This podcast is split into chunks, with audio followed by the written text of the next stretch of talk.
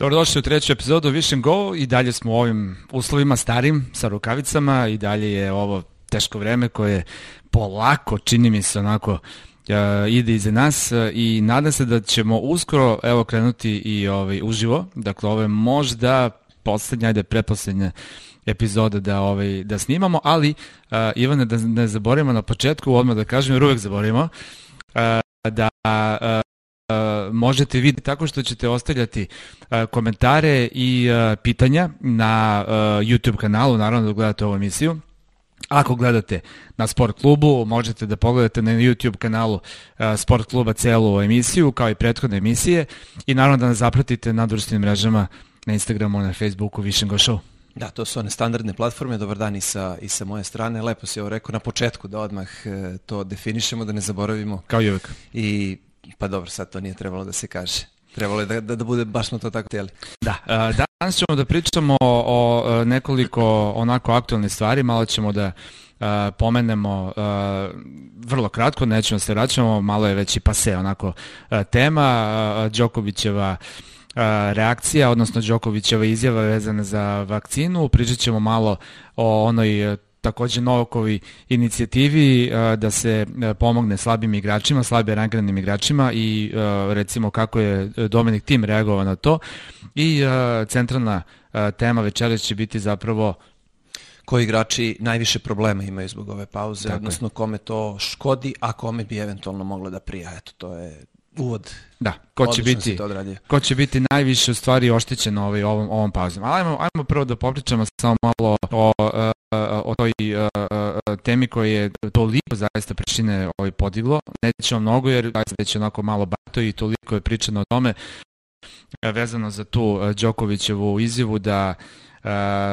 ne, ne želi zapravo da primi tu vakcinu, što mene lično nije iznenadilo, jer prosto znamo kakav je Novak, znamo kakve ima životne rezone.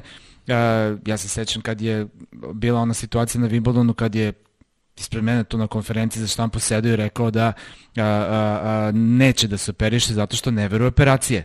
A, kasnije je shvatio da je na taj način zapravo izgubio možda pola godine karijere, otišao pod nož, završio sve brzo, ali prosto eto, on ima takav sistem razmišljanja i zato zaista za mene to uopšte nije bilo iznenađenje. Nije iznenađenje, ali mislim da je i ta, ta njegova izjava e, dočekana onako na prvu i mnogo oštro, iz tog razloga što je sve to bila hipoteza. Dakle, nije, kao prvo još uvijek nemamo vakcinu. To je ono što je, što je suština priče. Kao drugo, još uvijek se ne zna kakva će pravila biti u skladu sa tim. Uh, jednostavno, on je pre svega rekao da ne voli da ga neko uslovljava za nešto, posebno kada se radi o njegovom zdravlju. Tako da mislim da je to sve malo onako izvučeno iz konteksta, naravno dočekano onako kako ne treba i jednostavno samim tim što odudara od nekog uvreženog mišljenja i onog mainstreama, naravno izvrgnuto onako kako ne treba nekim negativnim, negativnim konotacijama. Ali opet e, ostaje, ostaje na tome da, da nije bio toliko eksplicitan. Naravno jeste, uh, jeste to bilo uh, onako usmereno više ka uh, nevakcinaciji, ali mislim da nije ništa toliko tragično i problematično u toj, u toj njegovoj izjavi. Pa dosta je hipotetički rečeno na kraju krajeva. On je sedao na onom zoomu sa ostalim sportistima, prosto došla je ta neka tema, on je to rekao. Doduše, ja mislim da Novak prosto nema još uvek usteđeno u glavi a, koliko a, je njegov život zapravo veliki brat i koliko sve što kaže izaziva velike, velike reakcije. Pa kasnije kad je pričao sa, sa Jelenom, opet je bio neki Instagram live, sutradan je rekao onako šal, ja što god kažem, to je kontroverzno. Mora da shvati da a, a, a, njegova reč zbog toga što jeste a, zaista ne samo da izaze reakciju, nego nosi veliku, veliku odgovornost. I ovo uopšte ne pričam da li je to što je rekao dobro ili loše. Mislim, ja se lično ne, ne slažem. samo konstatujemo da to zaista nosi sa sobom e, mnogo uticaja. To mora da to mora da shvati i prosto da mora da da takav mu život šta da radimo. Mora da svaku reč izmeri uh, jako dobro pre nego što na kraju izgovori. Kažem, ja se sa tim lično ne slažem, ali čovek je dao svoje mišljenje i to je mislim ok. A to što si rekao kako uh, je kako su ljudi reagovali na to, odnosno te te reakcije, to je to je zaista, mislim, uh, znaš ono kao uh, bolje nek igra tenis. Pa ako je najbolji na svetu tome što radi, to znači da ne sme da kaže ono što misli. Apsolutno ne znači. Naravno. I to ne sme da bude tako, jer e, Novak je do sada sve e, e, zapravo dobre poruke slao. U kom smislu? U smislu nekog pristupa životu ne pravi gluposti, uh, forsira i, i to je tako neke porodične vrednosti, uh, jednostavno sve, sve dobre stvari uh, šalje ka svetu i, i, i ka svojim navijačima i onima koji ne navijaju za njega, ali jednostavno I nema zašto onda te dobre poruku. stvari, zašto te dobre stvari ne izjazivaju isti takav efekt kao loše stvari? Zašto, zašto Andy Roddick koji se, pazi, ajde, Rodik je onako malo, malo čudan i znamo onaj animozitet Rodika i Đokovića ranije sa tim Kad što je je... Miljan u slačionici, Tako je, mora da ali, reaguje. ali posle, posle je Rodik bio sasvim ok što se Novaka tiče i jako ga ceni, nije sporno, ali recimo Rodik je rekao baš da vidim da li će on sad ovaj, da ne primi vakcinu ako to bude bio uslov da mora da igra tenis. A majstore, što nisi napisao onda na Twitteru kad je Novak poklonio milion dolara ovaj, Bergamo, što nisi rekao svaka čast? Znaš, Bravo, to je zašto dobro. se, zašto se javljaš za loše stvari, a ne za dobre stvari? I čini mi se da većina ljudi reaguje samo da bi kritikovalo, a ono što dobro uradi, kao dobro, nema veze, to se podrazumeva. I to nije dobro. Naravno, ta Rodikova reakcija je potpuno uh, onako nešto što, što nije kako treba i nije korektno. A Da, opet dao sa druge samo strane, kao primer, ali pa dobro, većina je ali, takva. ali opet sa druge strane možemo da govorimo i o Rodiku kao čoveku koji ima veliki uticaj. Dakle, eh, hajde da ti sada svojim uticajem napraviš nešto što je u redu i pošalješ neku dobru poruku, je li tako? Zašto moraš stalno neki defetizam da širiš, stalno neku kritiku i stalno neki problem? Generalno, a pričali smo o tome koliko god da mogu da budu dobre i te društvene mreže su vrlo toksično okruženje ako ljudi mnogo to prihvate k srcu. Uh, opet, uh, šta sam htio da kažem, uh, dakle, uh, sve što odudara od nekog uh, uvrženog mišljenja, to je problem. I to je to mora da se kritikuje. Pa zašto je to tako? E, Na kraju krajeva Novak je rekao da e, će u momentu kada bude trebalo da se odlučuje, kada do svega toga dođe, Da razmisli. da razmisli e, na osnovu informacija koje bude imao i na osnovu nekih sredstava kojima bude raspolagao. Normalno. I što je potpuno okej. Ma normalno. I mislim, ako bude zaista došlo dotle, ja uopšte nemam dilemu da će onda se vakciniše, ako to bude bio uslov da osvojiš četiri Grand Slema, pet Grand Slema i bude najbolji igra svih vremena, recimo, mislim, znaš, naravno da će da, će, da, će da, ovaj, da to uzme u obzir.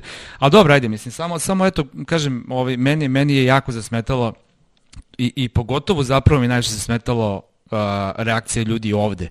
I to onih uh, koji uh, jesu zapravo kompetentni i koji treba da kažu neku reč, ali koji se sada javljaju, a ne javljaju se Kada on uradi nešto dobro. ne, ne kad uradi nešto dobro, nego kada, da, to naravno, ali kada, uh, ja ne znam kako da nazovem te kreature koji, koji, koji, koji uh, uh, prave budalama ceo svet, ceo naš narod, koji na svojim te televizijama rade stvari zbog kojih treba samo da dođu čiki iz budare, da pokucaju vrati da ga odvedu, e, što se onda ne javiš i kažeš, majstore, nemoj to da radiš, to je suludo. Znaš, nego sada došao neko i Problem- rekao, i rekao, majstore, nemoj to da pričaš. Problem dvostrukih aršina. I, i generalno smo mi onako taoci cele te, cele te konotacije koje se forsira već x godinu nazad. Da. Dobro, ništa, ajde, malo smo se samo dotakli te teme, prosto nismo iz- izdržali, jeste malo bajato, ali ajde, ovaj, a, bu, bu, Mora bukvalno da se, se desilo, bukvalno se desilo Mora. onda dana kada je bila druga epizoda, pa nismo stigli da pričamo ovaj, tome, ali sad smo ovaj, pomenuli. Uh, i uh, uh, moramo da popričamo naravno o još jednoj temi koja je evo aktualna upravo sada. A opet je vezana za Novaka. Jeste. Opet je vezano za Novaka, ta Đokovićeva inicijativa da slabi rangirani igrači dobiju ovaj pomoć koji je naišla na podršku uh, Federer i Nadala. Neki drugi su onako bili izdržani. Evo sad se javio Dominik Tim koji je onako prvi javno istupio i rekao ne, ja neću da dam te pare. Mene to čudi. Uh, ne kažem sada da, da, da je on u pravu ili da nije u pravu, doćemo do toga. Ali mene to čudi uh, iz jednog uh, razloga što je njegov brat, rođeni brat u toj situaciji. On je jesenas uzeo, čini mi se, svoj prvi ATP bod. Dakle, on je dečko koji, koji pokušava, koji se bori i koji nekako želi da trasira sebi put Ali on u ima, ali on ima obezbeđene, ovaj, obezbeđene sredstva. Ajde na stranu sredstva. Govorim samo o uh, priči da neko pokušava sebi da uh, stvori neku poziciju na listi. Dakle, njegov brat na stranu, na stranu novac koji definitivno postoji. Pa dobro, ali to je ključno. Ali, ok, slažem se. E, samo govorim o tome da e, ima mnogo tih koji nisu potkovani novcem od starijeg brata ili na bilo koji način da su, da su zaradili novac. Pa i na kraju krajeva pre turniru u Beču e, Timov otac je dao fantastičan intervju koji zaista može da bude onako uh, vodilja mnogim roditeljima koji imaju decu u tenisu, koji, koji su tek sad na početku, koji su klinci još, na primjer ti, Kažete da uh, čiji, su, čiji su klinci još uvek uh, juniori. Uh, na koji način on to sve gleda, na koji način su oni kroz sve te, te, te teškoće prošli i, i, i rekao je čovek da ne bi voleo da se ponovo nađe u koži bilo kog roditelja juniorskog igrača zato što je svestan koliki je to problem i koliko sredstava mora da se obezbedi da. i sve ostalo. Da, dakle, ali... ti imaš u najbližem okruženju uh, jedno mišljenje i onda uradiš nešto potpuno super. Ali mislim da, ali mislim da su to dve različite stvari, uh, jer uh, uh, tata je govorio o jednoj drugoj temi koju ćemo takođe da obradimo u jednoj od naših emisija, to je šta se prolaze mladi teniseri da bi došli do bilo čega u tenisu.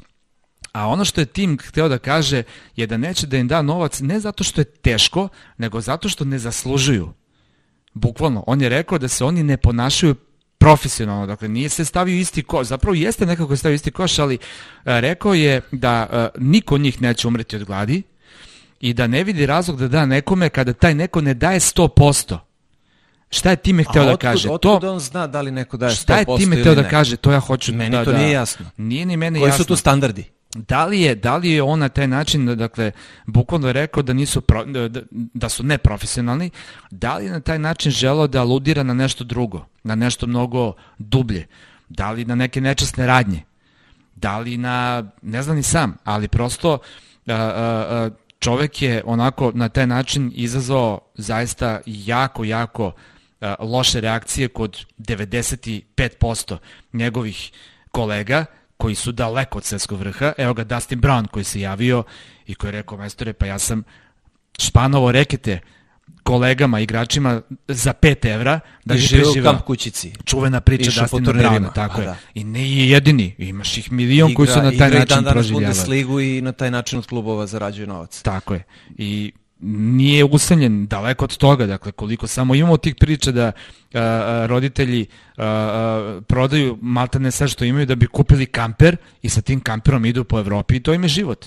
I tako ovi, omogući dece da igra tenis. Nije bitno, dakle, uh, poenta je da Dominik Tim uh, koji treba da da 30.000 uh, dolara po tom predlogu, ne želi da izvoji taj novac, jer očigledno smatra da uh, ovi to nisu zaslužili.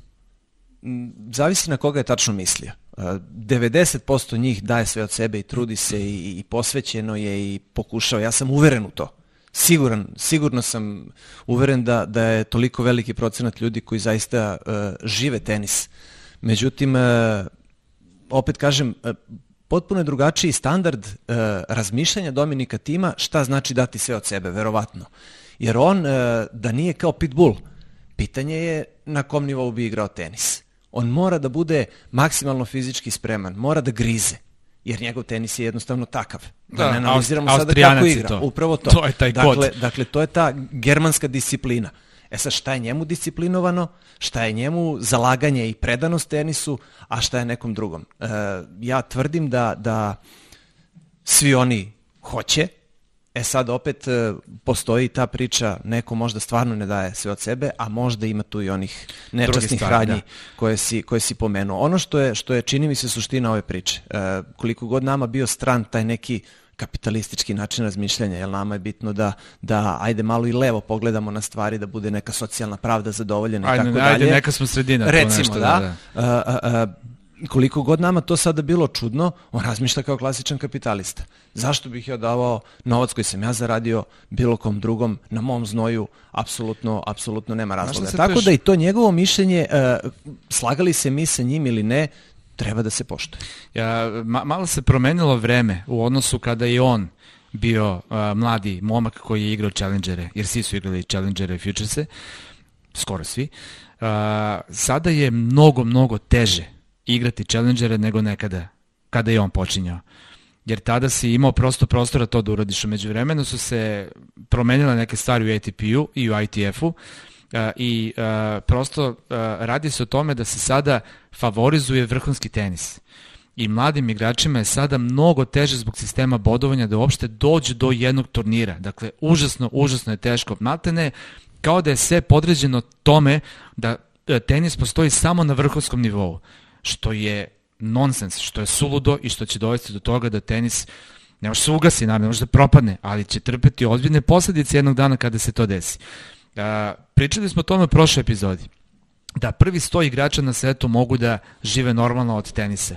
Ispod toga je katastrofa. E sada možemo da pričamo i o tome da prosto a, a, a, potreba društva za tenisom nije takva da 101. igrač na svetu a, može da živi kako treba. Zamisli recimo kako živi 101. advokat, evo vam smo pričali, 101. advokat na svetu, pa pun je ko brod.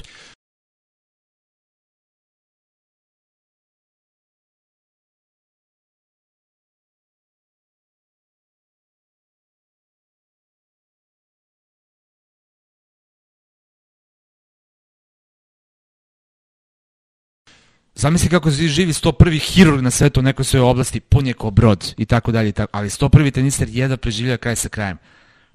To je, to je problem u organizaciji tenisa kao takvog. I baš čini mi se da, da izuzetno onako kratkovido gledaju ljudi koji su, koji su uh, bitni u odlučivanju. Ali prosto tako, to su pravila igre. Jesu pravili igre. Tenis je sport hajde i tenis samo je malo. Hajde samo malo uh, uh, drugačije raspodeli taj novac. No, novac postoji, to, to nije sporno. Ja razumem da će, da će mnogo više ljudi da kupi uh, Novakovu ili Federerovu ili Nadalovu majicu ili Marejevu nego, ne znam, onu koju nosi Benoit Per ili, e, ili neki čak i lošije rangirani igrač. Uh, razumem ja da, da, da se tu vrti novac ali samo malo drugačije da se raspodeli, da, da i tim ostalim igračima bude, bude lakše. E sad opet kažeš, ok, tenis je spartanski sport, tako je kako je, izvoli snađi se, ako si dovoljno dobar, možeš da, da, da prođeš, ako nisi, tvoj problem i to je to. Da, da li pod... je to fair? Da li opet tu treba naći neki balans?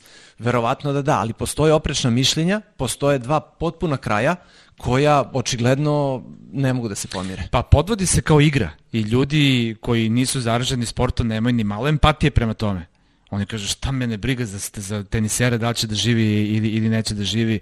I to. I to je, i to je opet što ti kažeš legitiman način razmišljanja, ali sve je podređeno novcu, to stalno pričamo, nažalost da jeste tako, i sve je podređeno tome da a, a, milioni i milioni ljudi žive od ovih koji su na samom svetskom vrhu. Jer oni zarađuju toliko para, to su fabrike novca od kojih zaista zarađuje mnogo ljudi, živi mnogo ljudi, to je svaki igrač za sebe je ekonomija u malom. Ma to je ozbiljna industrija, tu nema šta, to Tako je...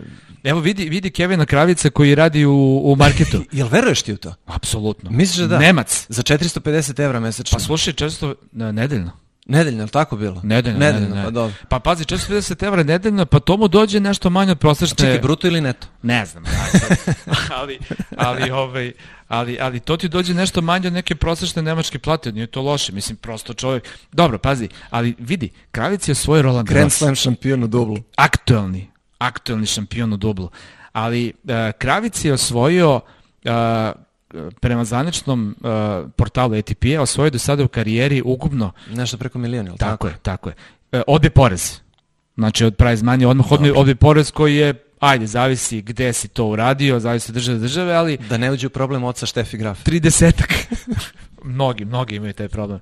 30 posto oduzmi, recimo. Da. Ajde, znači, on, on je zaradio za, za tih nekih deseta godina koliko igra tenis profesionalno, recimo nekih 700.000 dolara. Ali koliko je uložio da bi došao to do toga? To ti kažem, to ti kažem. On je to, znači, i on nema neke prejake sponsorske ugovore, ima sigurno nešto. Ali nije to prejako, to nije ni blizu kao što imaju ovi najveći, jer sav šlag, sav, sav kolač ide zapravo oni najvećima, ne ostaje ništa za Kravica, ko zna da je Kevin Kravic šampion ovaj, uh, Roland Garros u dublu. A će možda bude radnih meseca u marketu. Bićemo slika. u kondiciji. Bićemo fotka, da.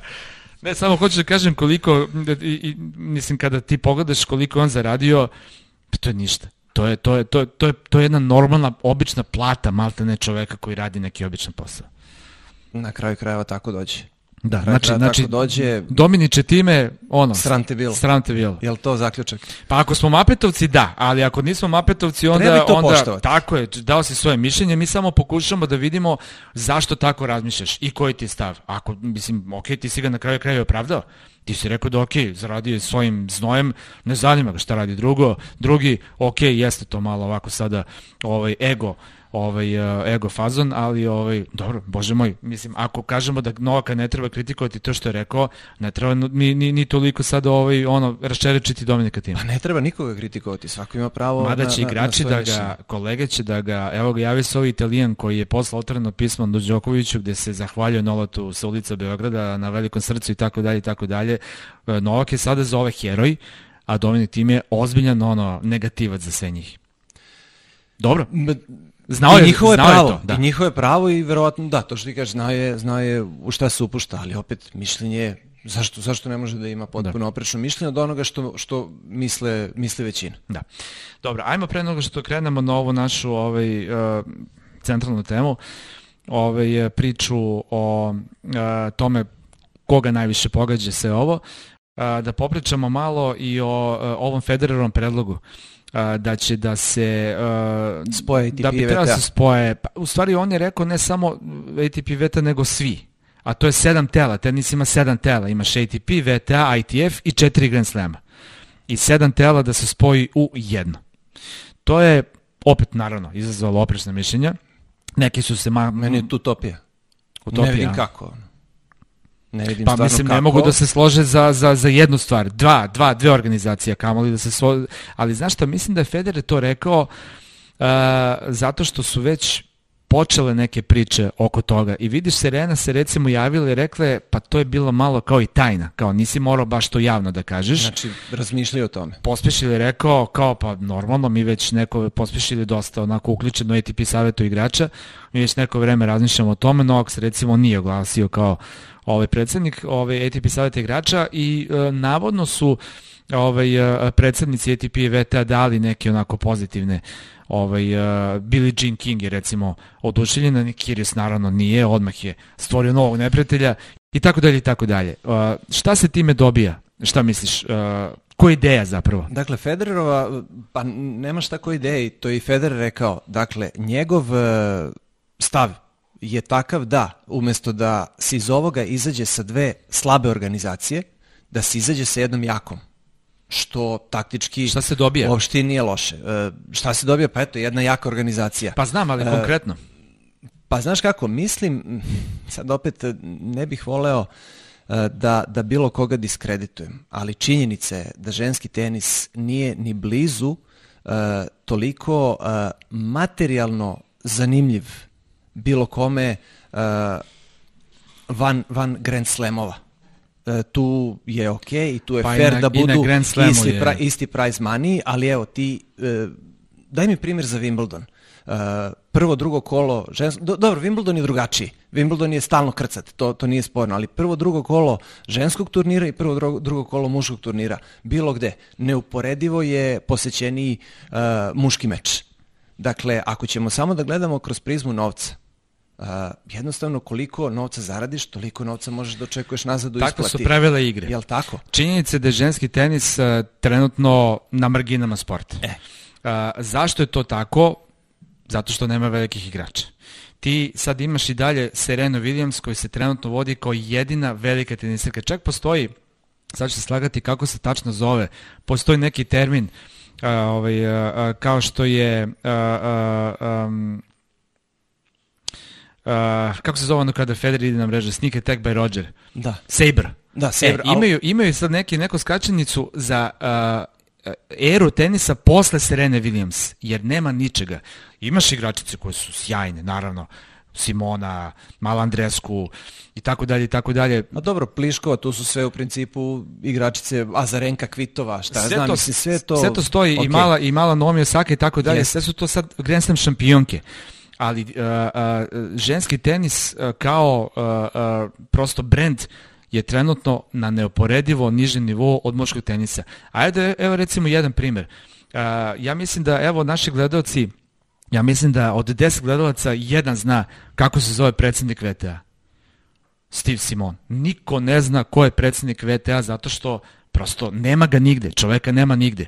Inače, bivši direktor uh, turnira u Indian Wellsu. Uh, uh, uh, imao je VTA pre njega neke dobre ovaj, stručnjake, Larry Scott koji je recimo o, jako zaslužen što je ženski tenis uspeo da ovaj, se izjednači uh, u prize maniju sa muškim tenisom.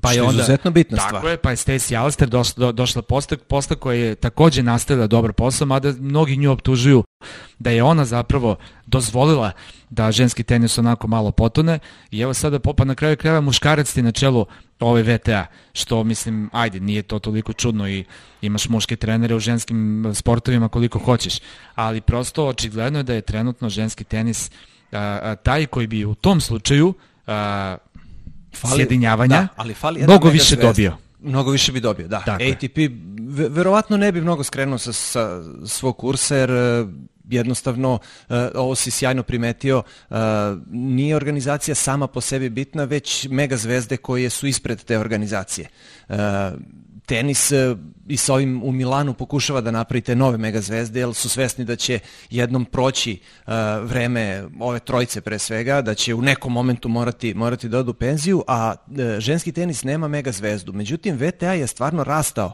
Uh, gledaj samo u prize money na primjer, uh, zanimljiva je činjenica da je, da je uh, Chris Evert za Australiju, za osvojeni Melbourne, tamo neke 70 i neke, uh, uh, dobila kišobran kao, kao nagradu. Dakle, koliko je to sve poraslo u, u, u poslednjih, eto, pa 50 godina, to je, to je fenomenalno i e, naprosto to, to, to mora tako da funkcioniše da bi, da bi svi dobili neku satisfakciju, ali opet mnogo više može da dobije VTA od tog merđovanja, jel se to tako moderno uh, kaže? Može, kao što binge e, sa serije. To, ovaj, da, uh, može mnogo više da dobije nego što ATP čini mi se može da izgubi. Da, uh, svakako bi lakše cirkulisala TV prava i sponsorski ugovori. To je, to je naravno jako, jako važno, jer sad, sada su gledalcima potrebne razne platforme da bi gledali ovaj, ne znam, razne mečeve ovaj, jer sve to nekako potpuno sada podeljeno, ti sad imaš recimo Simonu Halep koja a, rumunske televizije se utrkuju da prenose njene mečeve, ali svetske ne. A imaš Đokovića gde su u Srbiji takođe televizije ono, ne pitaju koliko košta, ali i svetske takođe. Prosto eto, imaš, eto, eto ti taj primjer, znači šta znači trenutno u muškom tenisu onaj koji je na vrhu i šta znači u ženskom tenisu onaj koji je na vrhu. Prosto televizije svetske ne zanima, osim ako nije baš iz te zemlje, ne zanimaju prosto ti. Pa jeste, nemaš, nemaš da, mega zvezdu, nemaš Martinu Navrtilovu, nemaš Moniku Seleš, nemaš Štefi Graf, nemaš... Da. Uh, da, malo smo otišli sada... Davenport, Justine Nan, Morezmo. Da, da. Znaš, drugačije, jeste Serena tu, jeste ona već 20 i kusur godina tu, ali, ali jednostavno mora još neko da bude tu pored sebe. Da, ma, malo smo iskrenuli sa teme, u stvari više smo sada otišli u problematiku ženskog tenisa, što je tema sama po sebi, o čemu ću da pričamo. Da, pričali smo o spajanju ove dve organizacije, tako, tako, bar dakle, ove prosto, dve. Prosto da li je to dobro i da li je dobro da sada za sve što uh, se desi imaš jednu odluku Je to dobro ili loše? Znaš, ako, se, ako, ako, ako dođe do, do merđovanja, kako A si možeš ti rekao. To, možeš to na, na nivou države e, gledati, neke države, bilo koje. E, recimo Švajcarska koja, koja ima saveznu vladu, ali je o, lokalno odlučivanje po kantonima, je li tako? E sad, da li, da li da sve bude centralizovano ili e, da, da bude po regionima, po... po Misliš da bi moglo nekim... po švajcarskom sistemu da funkcioniše nekako? Pa Roger je predložio, da, da, da, da, da.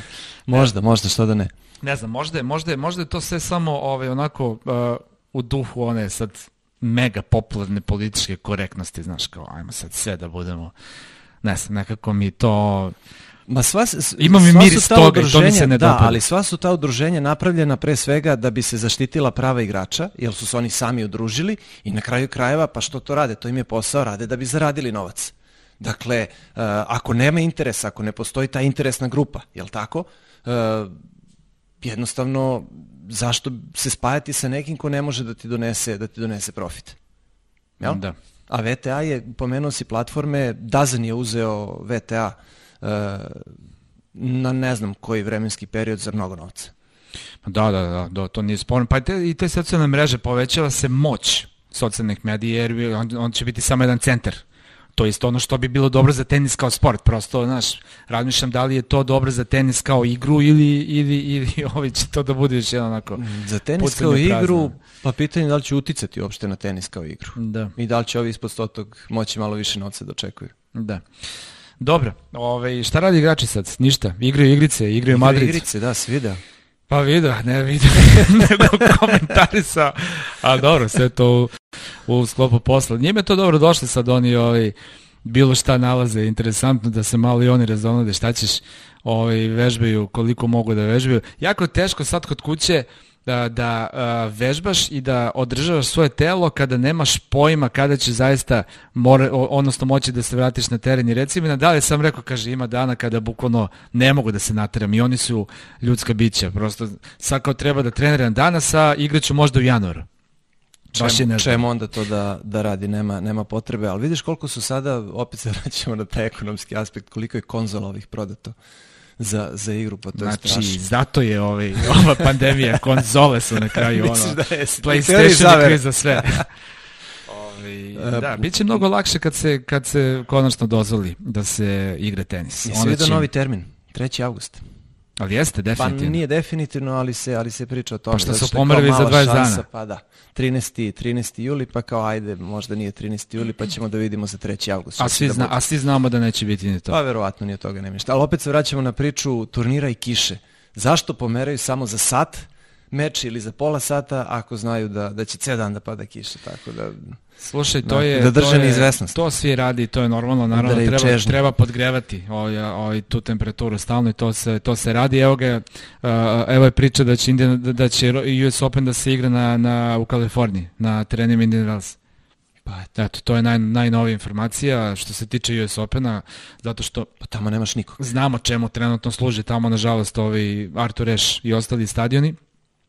A Indian Wells je zaista prosto ovaj, uh, infrastruktura i sve ostalo apsolutno zadovoljava i može da se odigra jedan Grand Slam na njemu na kraju je Dobro, drugi, centralni stadion Artur Eša, da, centralni stadion Indian Wells je za nešto malo manji od, drugi od najveći na svetu. Da. je, isključivo I, za tenis. I, i da. još jedan ogroman tenis, ovaj stadion i mnogo, mnogo manji. Tako da nije, nije, nije problem, ali eto, stalno se nalaze neke nove idejice, neke nove priče, šta ćemo, kako ćemo. To je a- logično. E, to je logično. Indian Wells je u pustinji, e, sam gradić ima ima 4-4,5 hiljada stanovnika, tako da vrlo lako možeš da iskontrolišeš da nema gledalaca, da igrači budu prilično onako izolovani, malte ne u karantinu, tako da je to vrlo, pa čak i moguć scenarij. Da, ovaj, Australija vidiš hoće da napravi neko svoje takmičenje, ovaj, mislim u principu je to i sasvim onako logično i nekako normalan, normalno razmišljanje, nešto što mogu da se očekuje Dobro, Australija koja se generalno onako dosta dobro bori sa ovom pandemijom, ali ovaj, oni su izolovani i oni će sad lepo da naprave neki svoj turnir, igraće samo domaći teniseri, neće biti publike naravno, ali eto, bar će održavati kakav takav neki takmičarski ritam. Kao nekad kada niko nije ni mogao malte ne da stigne do Melbourna ili su redki samo bili koji su išli na, na Australian Open, tako da, eto, Da. vraćamo se korenima, back to basics. Tako je, dakle, ako gledate preko YouTube-a, možete postavljati pitanje i naravno davati komentare, pa ćemo mi da odgovorimo na ne, neko tak pitanje u narednoj emisiji i prati nas na društvenim mrežama, ovaj, Vision Go Show, a mi bi sada mogli da krenemo na ono našu centralnu temu danas, a to je, kako ćemo da zovemo, ko najviše gubi? Ko je najveći gubitnik cijele ove situacije? A zašto odmah defetizam? Ko Zašto? najviše dobija? Pa ajde, tako, ko pa najviše, hajde pozitivno ajde, da ko najviše na- dobije? na- na ajde, celu ko najviše dobije? Uh, ja mislim da najviše dobijaju ovi što, što uh, nisu u vrhu. Uh, iz tog razloga što je ovima oduzeto mnogo vremena i jednostavno videli smo kako se zahuktala sezona. Čekaj, izvini, možda sam def- defetista zaista, ali lakše mi je da razmišljam, znači, više gube oni koji su na vrhu. To hoćeš da kažeš. Više gube oni koji su na lakše vrhu. mi je, ne znam što, ali lakše mi je tako da razmišljam. Ne, šalim se ja naravno, ono, ne, nemoj, nemoj pogrešno da A shvatiš. moramo onu budemo napetovci malo bar. Do, do kraja, onako da budemo nervozni na sve. Da. Uh, mnogo vremena je oduzeto ovima najboljima. Uh, jer jednostavno... Zato što su uh, matori, Pa Ili ne, da to nema veze? Se, pa nema veze, zaleteli su se. Mislim, za Federera vjerojatno ima, mada on je i rekao da neće igrati ništa do trave, je tako? Prvi, da. prvi turnir koji je planirao da igra zbog opet uh, situacije sa Hale. zdravljem je bio Hale. Hale, ja mislim da, da na štakama će da ide. Pa kad ima da ulicu, Hale, ulicu, trg, sve ima tamo. Mislim da više voli da igra Hale nego Bazel, posebno zato što je na travi, uh, ali to je, to je onako digresija, nema veze. Uh, pa oduzeto im je vreme, a zaleteli su se, a već imaju godina. I to je ono što je, što je problem. Evo, pogledaj kako je krenula sezona za, za Novaka uz Australiju. Dobro, Dominik Tim se tu malo umešao, uh, ali jednostavno uh, kako vreme prolazi, tako možda mnogo više mogu da profitiraju Medvedev, Zverev, pa i tim na kraju krajeva koji isto iz te ekipe mlađih igrača. Ove jednostavno, ali to je neumitno. Protok vremena je takav da ne može da se zustavi, a ovi ne postaju mlađi. Pa da, da, imaš, imaš dakle, taj moment tog čuvenog momentuma te reči koja ne postoji u srpskom jeziku, a savršeno slikava zapravo ono što hoćemo da kažemo, a Đoković je baš imao taj momentum u trenutku prekida, jer sad sam ispao iz, iz, iz forme, beše 21 pobjeda za redom, je tako? Da. 21 pobjeda za redom, Dakle, prosto on je bio taj koji je bio u inerciji jednoj ogromnoj i definitivno kada pogledaš onako logično, njemu je najmanje odgovaralo. Federer, kao što si rekao, čovjek je rešio da ode na operaciju kolona, pa su onda rekli da je on znao za to već ono, odavno, pa je zato naravno. opet teorija zavere, komu je javio? Komu je javio? Ove, I generalno i, uh, imaš još te neke igrače koji su povređeni i zapravo njima je najbolje, ovaj, jedino da kažem, dobrodošlo u ovoj situaciji ako mogu uopšte tako da se izrazim da je bilo kome dobrodošlo, ajde bolje reći naravno da je njih najmanje pogodilo. To, to su ti igrači koji su trenutno povređeni, ima ih, ima ih, dakle, osim, osim Federera, Conga je, sećaš se, ovaj, Australija baš završio sa onim problemom sa leđima, Delpo, Mukica... Već neko vreme Delpo ni prošlu sezonu nije da, radio kako treba. Njemu možda to... do, taman da se ja potpuno oporavim od svega, do nove povrede, poput daleko bilo. Ovaj, Šta ga je sve snašlo? Nevratno. I Imamo devojke, imamo nekoliko tenisirke koje su bile povređene, sad ne znam koliko to ozbiljno bilo, tipa Andresku, Kerber, mislim, verovatno nije nešto previše, verovatno je trebalo skoro da se vrati, Nišikori recimo, baš je trebalo da se vrati. Povređen Nišikori, nemoguće. Da, da, da. Pa ne, on, on beše, on beše u, ja mislim da je u oktobru operisao, imao operaciju. Šalim se, naravno, da. nego jednostavno i on je poput Del da. Potra sklon povredama. Ali, ali, ali on je baš trebalo da se vrati, bukvalno, ja mislim da je bilo, ono, ok, kao gotovo, konačno kreće, kreće da se vraćam da. i desilo se to. Zendija Marija ne znamo, pitaj Boga koja je njegova zaista prava situacija sa tim kukom, te je dobro, te nije dobro, te vratit će se, te neće da se vrati, tako dalje, tako dalje, ali... Igraće dubl sa bratom. Pa to sigurno da, ali definitivno, definitivno su oni igrači kojima to najviše odgovara, a misliš da, misliš da nisu možda najogroženiji baš oni koji su slabije rangirani? A zašto bi bili? pa ne znam. Prosto, ja ne mislim, prosto glasno, glasno Ja ne mislim, ne mislim da su, da su oni toliko ugroženi, iz tog razloga što uh, sada se ponovo vraćamo na, na neke radne navike. A nekako... Izvini, ali pričamo i o financijskom momentu ili samo sportskom i, i, sportskom i momentu i igračkom, jer sve ove koji su 50-60 ne smatram finansijski ugroženima ni na da, koji način. Da. Uh, a opet oni bi mogli tu da nađu tu da nađu neki svoj put možda u nekoj manjoj spremnosti ovih ostalih da se da se provuku na neki način da iskoriste talenat koji definitivno imaju ne bi bili tu gde jesu da nemaju talenat ali opet se vraćamo na, na, na onu timovu priču o, o radnim navikama. Ako Nadal se zapita zašto treniram danas zamisli da li se zapita Benaper i da li trenira. Recimo. Teško. Pa, to ti kažem, tako da, da uh, onaj ko ovo iskoristi da se, da se pripremi. Sad opet možemo pričati, ne može da se igra tenis, to je ono što je problem. Dakle, kako ćeš da treniraš tenis ako ne možeš da ga igraš, da staneš, da udariš bar, bar tri lopte na, na, na teren. Dakle, možeš da radiš neke, neke vežbe, možeš da radiš neku kondiciju, možeš nešto da, da izmišljaš i da održavaš svoje telo spremnim za, za eventualni početak. Ali uh, to će da bude kao, kao ono, ili znaš onaj osjećaj kada iz balona na proleće izađeš napolje, U, pa dobiješ smeč. Da, ali, ali, ali dođe, dođe lopta na da, smeč. Da. Ne možeš prve tri lopte da pogodiš nikako. Nemoguće.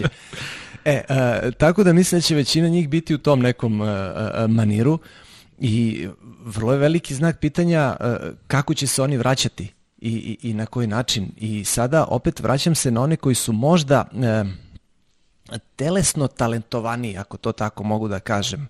Uh, Dobro, u smislu, ne, da, da, se, da se, ne, da se naravno ne svati, ne svati pogrešno, ne znam ja sam koliko pogrešno, prlja, naravno. pa naravno, nisam ni očekivao drugačije, uh, nisam ni očekivao drugačije, ali govorim o načinu igranja tenisa, uh, o, o, o načinu potrošnje tela, uh, gde, ajde opet da se, da se uh, vratimo na Dominika Tima, gde on mora da ima telo na 100% da bi mogao da igra takav tenis on se nadjačava sa protivnikom. Ali redki A... su oni koji, to, uh, koji imaju ta luksus da im to nije potrebno, baš su redki. E, o tome se radi. Takvi bi možda mogli da... Da, da, uh, da im više koristi. Da probaju nešto da ulove mutnom, da. da, da ulove mutnom.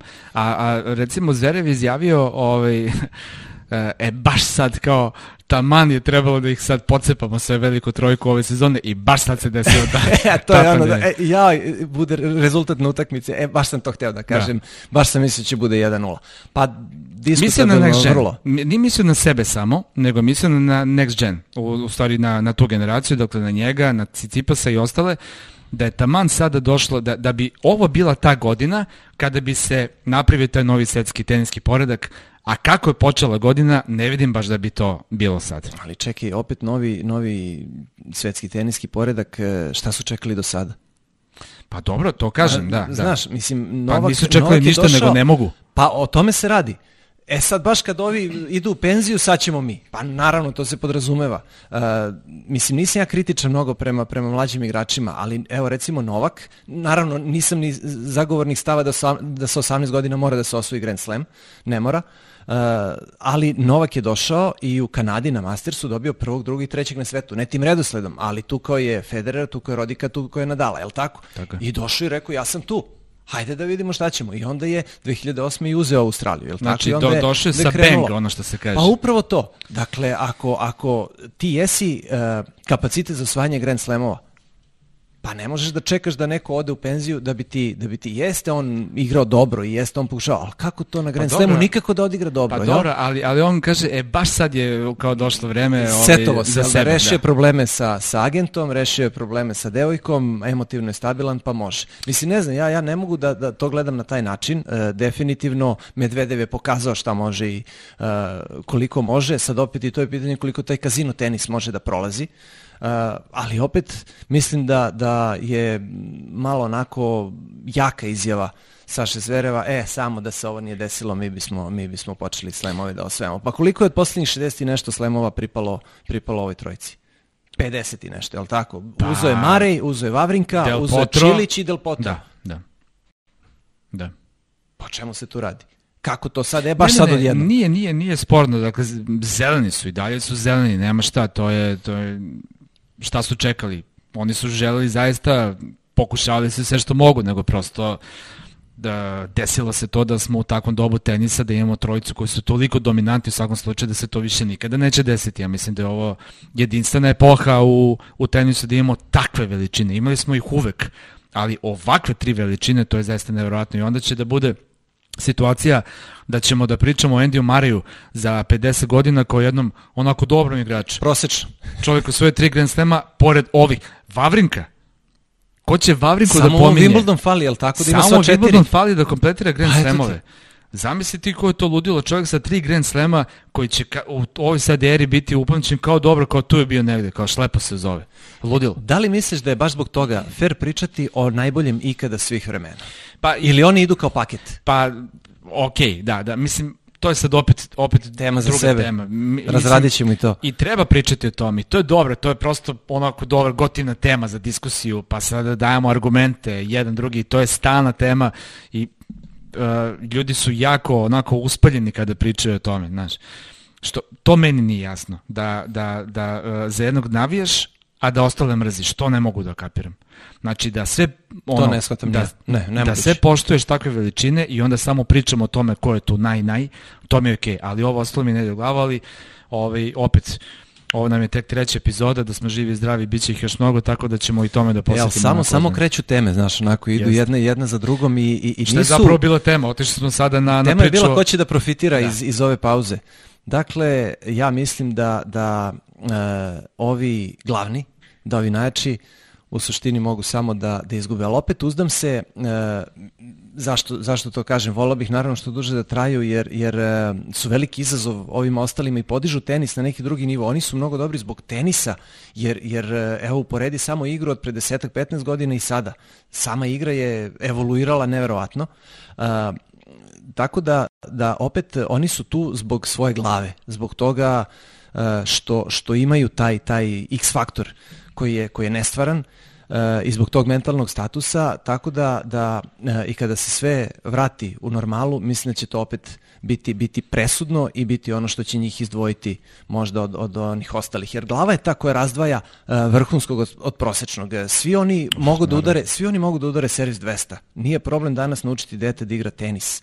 Uh, ako ima smisla, ako ima motoriku, nije to sporno, ali radi se o tome da li će da, da, da na 6-6 u taj breaku uh, odservira, uh, ne znam, 180 prvi servis ili će da pukne 205 i da pogodi. A to je samo pouzdanje. Za meni, za meni glave Novaka Đokovića i Benoje Pera. Ko bi bio bolji igrač? za meni. Ne.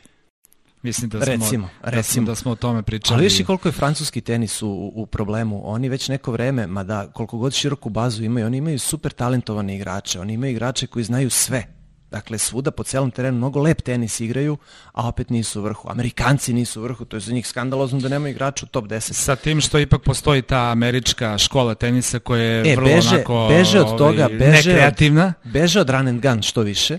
Uh, seti samo Jamesa Blakea, on ima servis i forehand čovjek, uh, pa je bio u pet Jel tako? Da, ali neuspešno I beže. I, I dalje štancuju samo takve igrače. Isključivo. I dalje to samo... Je, to je nešto, to je... A Francuzi, što si rekao, baš da. imaju tu kreativnost i Česi sjajne... imaju sjajnu školu, ali dobro, ako ne ide jako, ti udriš to jače, još više.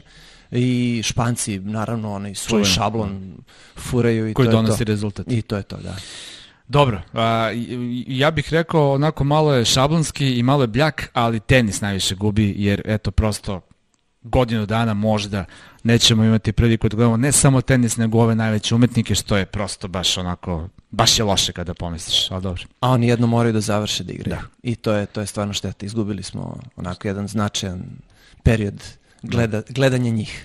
Šta je to je? Ništa, ajmo da polako završamo sa još jednim ovaj, segmentom emisije koji ćemo onako malo da ovaj, ubacujemo povremeno, to su flashbackovi, da se prisetimo nekih onako uh, interesantnih situacija koje su se desile, koje nisu možda toliko poznate među ljubiteljima tenisa. Uh, pripremili smo dve, Uh, hoćeš da pričamo o, ajde ti odeberi, hoćemo o bojkotu Wimbledona, one se ne streće ili ćemo o Open Air kako je nastao zapravo ATP Ali to je, to je na neki način vezano. Povezano. Mislim da je vezano, uh, sve jeste krenulo te 68. i, i otvaranja tenisa ka, ka profesionalizmu, ali mislim da je uh, taj bojkot Wimbledona onako obeležio jedan, jedan značajan moment u tenisu, tako da mnogo se više pričalo o open eri i svi znamo da se iz amaterizma prešlo u, u profesionalne vode, da, da je dozvoljeno u stvari profesionalcima da, da se takmiče i na Grand Slamovima i tako dalje, tako da mislim da je to tema koja onako već ima uh, neku, neku utemeljenost i da znaju ljudi o čemu se radi, ali bojkot Wimbledona je malo, malo uh, zapostavljen.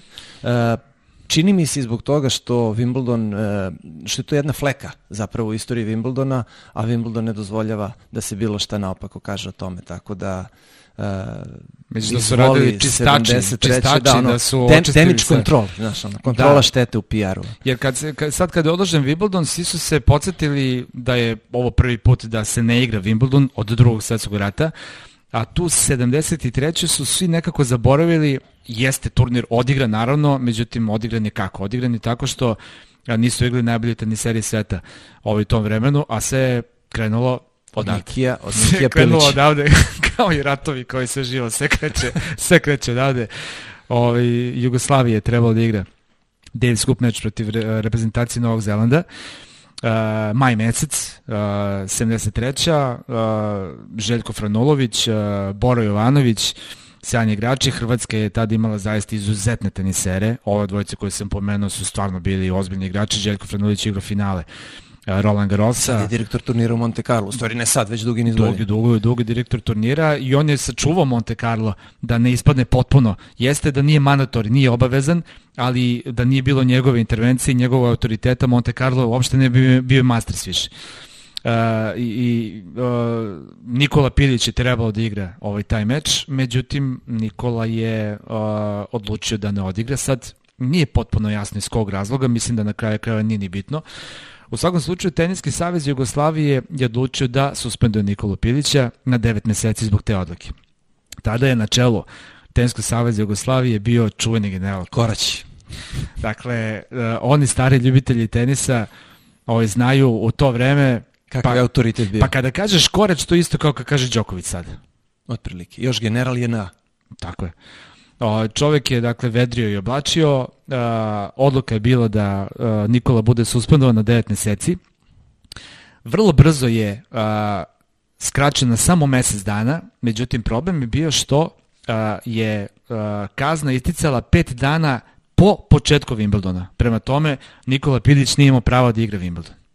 E sad, ATP savez, savez igrača je, koji tada postojao je SEO i odlučili su da stanu iza Nikole Pilića, zapravo da na taj način malo promovišu ATP, zato što je ITF podržao odluku Teniskog saveza Jugoslavije, naravno kao svoje članice, ali igrači su rekli ne, mi onda nećemo da igramo. Ako ne date Nikoli Piliću da igramo, ne, da igra, nećemo ni mi.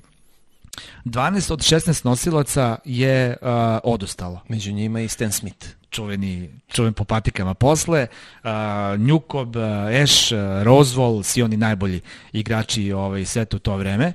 Uh, igrali su uh, Borg i Connors, ali oni su tada bili klinci. Dakle, da ljudi ne pomisle kao vide njih, bili su žebo, oni su tek počinjali karijere, bili su, pa bukvalno niko da, ništa. Da, igrao je, igrao je na stase ali je posle pričao da je bio uslovljen, jer i on bio oficir u rumunskoj vojsci, koja je tada bila iza gvozdene zavese, tako da je, da je Nastase našao neki alibi u tome, pa je onda brano izgubio treće, četvrto kolo, pa se pričalo da li je tankovao meč ili nije, pa je onda rekao da je imao jako slabe protivnike i da bi bilo onako baš providno da je, da je to uradio, ali eto, bio je navodno uslovljen.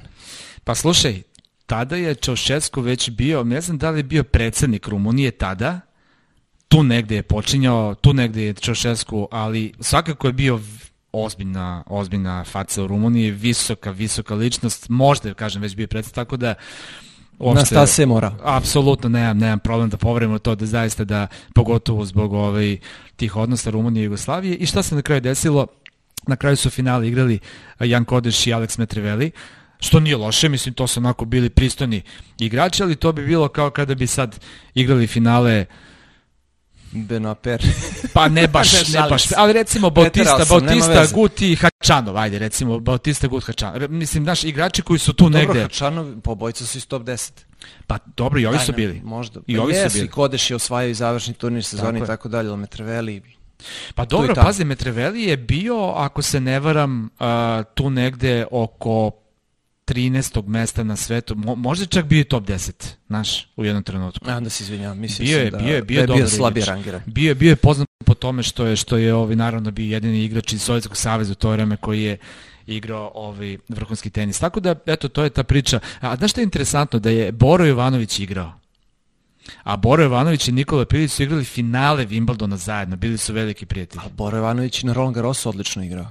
Jeste, kako da ne, ali kažem, bili su prijatelji ovaj, baš ovako veliki i igrali finale Wimbledona deseta godina pre toga u dublu, ovaj, Nikola i Boro, i Boro je igrao, do duše izgubio od kvalifikanta prvo kolo. Tako da, hm?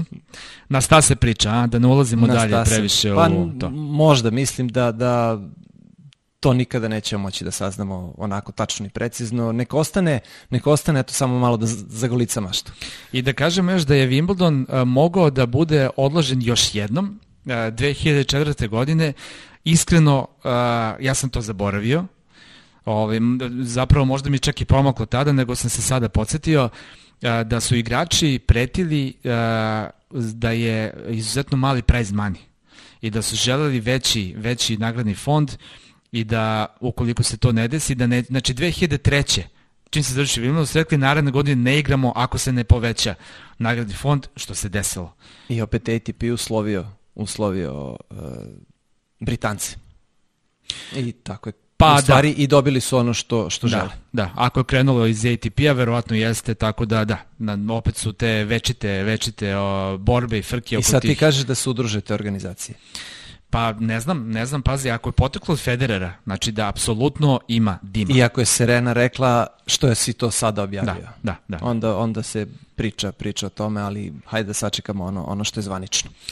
Dobro, to je bilo to. Uh, još jednom kažem, uh, pratite nas na društvenim mrežama, Instagram, Facebook, uh, Vision Go Show, pišite vaše komentare i pitanja na kanalu YouTube-a, odgovorit ćemo naravno emisiji, kažem, nadam se da ćemo vrlo, vrlo brzo eto imati priliku da se, da se uživo družimo, da tako imamo interakciju sa vama, ali imaš neki pozdrav za nekog biće, biće uključenje i gostiju. Uh, razmišljao sam prošli put, da sam zadao si rebu sa onim pluviofilima i dok sam se, dok sam se vozio kući, setio sam se u stvari lanja na zvezde i onoga što je il pl, i znam da voliš kišu, tako da, eto, to su, to su ljudi, da rešim istri ako nisu googlali gledalci od prošlog puta, ljudi koji vole kišu i eto, juče ti se juče ti se onako poklopio dan. Da. E, koga bi ti pozdravio danas, jesi razmišljao? E, da, ja bih pozdravio sve ljude koji ne znaju ni jednog jedinog učesnika bilo kog realitija.